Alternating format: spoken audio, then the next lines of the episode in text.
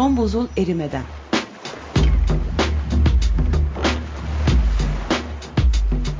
Küresel iklim değişikliğinin bilimsel gerçekleri üzerine.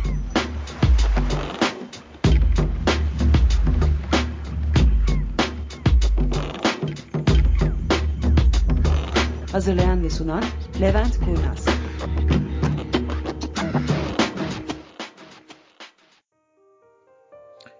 Son buzul erimeden haftalık haber bültenine hoş geldiniz. Ben Levent Kurnaz. Aslında benim açımdan haftanın en önemli haberi salı günü Ankara'ya gidip Türkiye Büyük Millet Meclisi İklim Değişikliği Komisyonu'nda milletvekillerine bilgi vermiş olmamdı.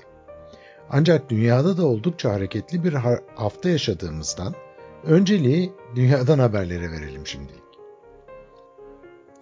Avrupa İklim Yasası konusunda anlaşmaya varıldı. Avrupa Birliği'nin çalışma sistemi oldukça karmaşıktır. Geçtiğimiz haftalardaki ziyaret sırasında yaşadığımız koltuk krizi de bu karmaşıklığın bir şekilde dışa vurumudur. Avrupa Birliği'nde kararlar Avrupa Konseyi ve Avrupa Parlamentosu tarafından alınır. Avrupa Komisyonu tarafından da yürütülür. Ursula von der Leyen Avrupa Komisyonu'nun yani yürütmenin başıdır. Ancak kanun yapıcılık görevi birlik üyesi ülkelerin başkanlarından oluşan Avrupa Konseyi ile Avrupa ülkelerinden ayrıca seçilen Avrupa Parlamentosu tarafından yerine getirilir. Mesela Avrupa Parlamentosu, sera gazı salımlarında 2030 yılına kadar 1990 seviyesine göre %65 indirim yapılmasını istiyordu. Ancak üye devlet yetkilileri %55 indirimde ısrarcı olunca sonunda %55 indirim konusunda konsey ile parlamento yetkilileri arasında anlaşmaya varıldı. Avrupa Yeşil Mutabakatı'nın temel unsurlarından biri olan bu Avrupa İklim Yasası her iki kanat tarafından da resmi olarak onaylanırsa AB'nin 2050 yılına kadar iklim nötr hale gelme taahhüdünü yasal açıdan da bağlayıcı hale getiriyor. 2050 iklim nötr hedefine ek olarak uzlaşı aşağıdaki unsurları getirerek Avrupa iklim eylemi çerçevesini güçlendiriyor. Öncelikle 1990 seviyesine göre net salımların yani insanların saldıkları ile ormanların yuttukları arasındaki farkın en az %55 oranında azaltılması. Komisyon tarafından 2040 iklim ara hedefinin de belirlenmesi, 2050'den sonra negatif salım taahhüdü, bağımsız ve bilimsel tavsiye sağlayacak Avrupa İklim Değişikliği Bilimsel Danışma Kurulu'nun kurulması. Bu uzlaşma Avrupa Parlamentosu ve Avrupa Konseyi tarafından resmen onaylandıktan sonra Avrupa İklim Yasası yayımlanacak ve yürürlüğe girecek. Dünya Meteoroloji Örgütü küresel iklim durumu 2020 raporunu yayımladı. 1993 yılından beri yıllık olarak çıkan bu raporlarla dünyadaki iklimin genel durumu özetleniyor. Raporun 2020 versiyonunda öne çıkan başlıklar şu şekilde. Covid-19'a bağlı geçici duraksamaya rağmen sera gazı salımları artmaya devam etti. 2020 en sıcak 3 yıldan biri oldu.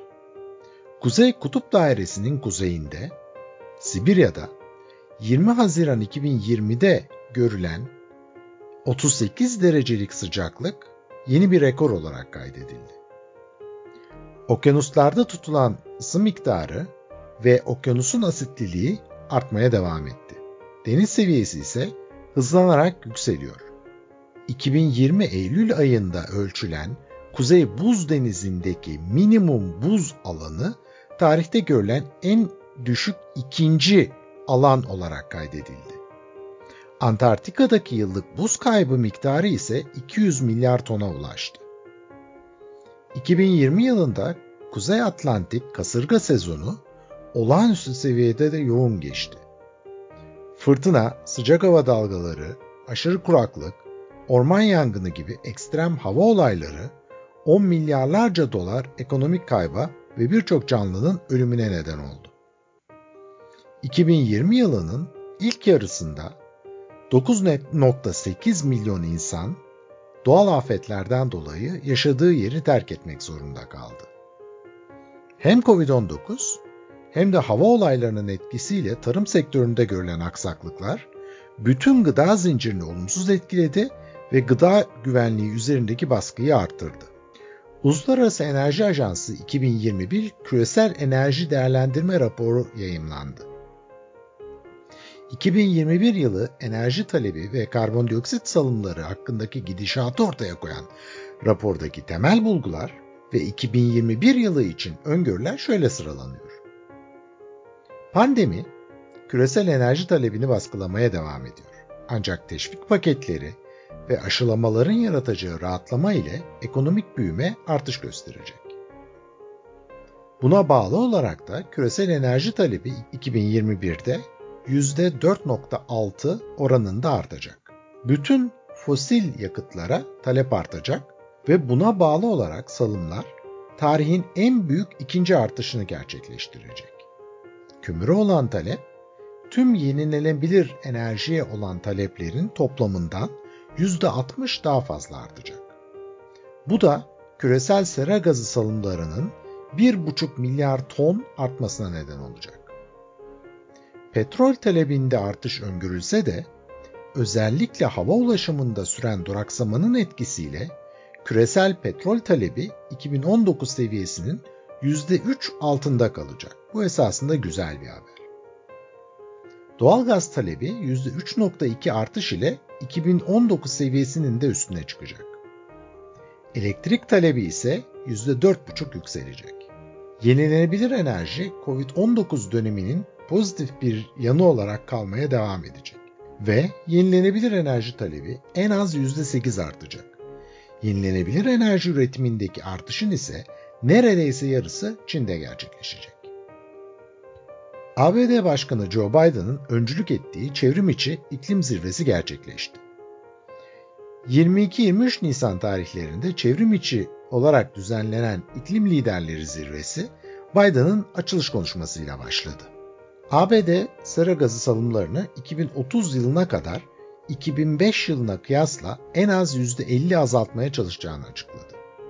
ABD politikası düşünüldüğünde bu açıklamanın yetersiz olmanın ötesinde gerçekleştirilebilir gibi de durmuyor. 1992 yılındaki Birleşmiş Milletler İklim Değişikliği Sözleşmesi'nden bu yana sera gazı salımlarını azaltma yönünde hiçbir çaba sarf etmeyen Amerika Birleşik Devletleri'nin önümüzdeki 10 yıl içerisinde salımlarını neredeyse yarı yarıya azaltabilmesi pek de olası görünmüyor. Özellikle ABD politikasının son senelerdeki kaygan zeminini düşündüğümüzde Trump'ın 3 sene sonra başkan seçilip tüm bu politikayı tersine çevirmesi de çok sürpriz olmaz. Japonya Başkanı Suga ise Japonya'nın sera gazı salımlarını 2030 yılına kadar 2013 seviyesine göre %46 azaltacağını duyurdu. Garip olan tüm bu devletlerin salımlarını Birleşmiş Milletler İklim Değişikliği Çerçeve Sözleşmesi'nde belirtildiği gibi 1990 seviyesine göre değil de kafalarına göre bir seneye göre açıklamış olmaları. Bunun da arkasında iyi niyettense verilen sayıların kıyaslanamamasına çalışma gibi bir art niyet sezinliyorum ben. Çin Başkanı Xi Jinping yeni bir taahhütte bulunmadı ve daha önce açıkladıkları 2030 yılında salımların tepe yaparak 2060 yılında da net sıfır salıma düşme sözünü yineledi. Ancak ek olarak kömürlü termik santralleri 2025 yılından itibaren kapatmaya başlayacaklarını söylemesi açısından önemli bir açılım yapmış oldu. Kanada Başbakanı Justin Trudeau ise sera gazı salımlarını 2030 yılına kadar 2005 seviyesine göre %40 ila %45 arasında azaltacaklarını söyledi. Bu Kanada'nın daha önceki hedefi olan %30 seviyesine göre oldukça önemli bir azaltım hedefi. Ancak Kanada açısından kıymetli olan en kirli petrol üretme yöntemlerinden biri olan katran kumullarından petrol üretimini bırakacağını açıklaması olurdu. Yalnız bu konuda da Kanada ikiyüzlülüğünü korudu. Bu haftanın haberleri aslında çok daha fazla. Başta söylediğim gibi ama sizleri bundan çok fazla sıkmayayım. Bir dahaki podcastımıza kadar sağlıcakla kalın.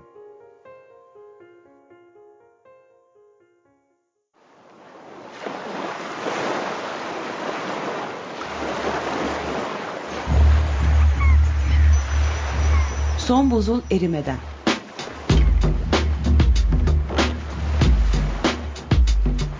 Küresel iklim değişikliğinin bilimsel gerçekleri üzerine.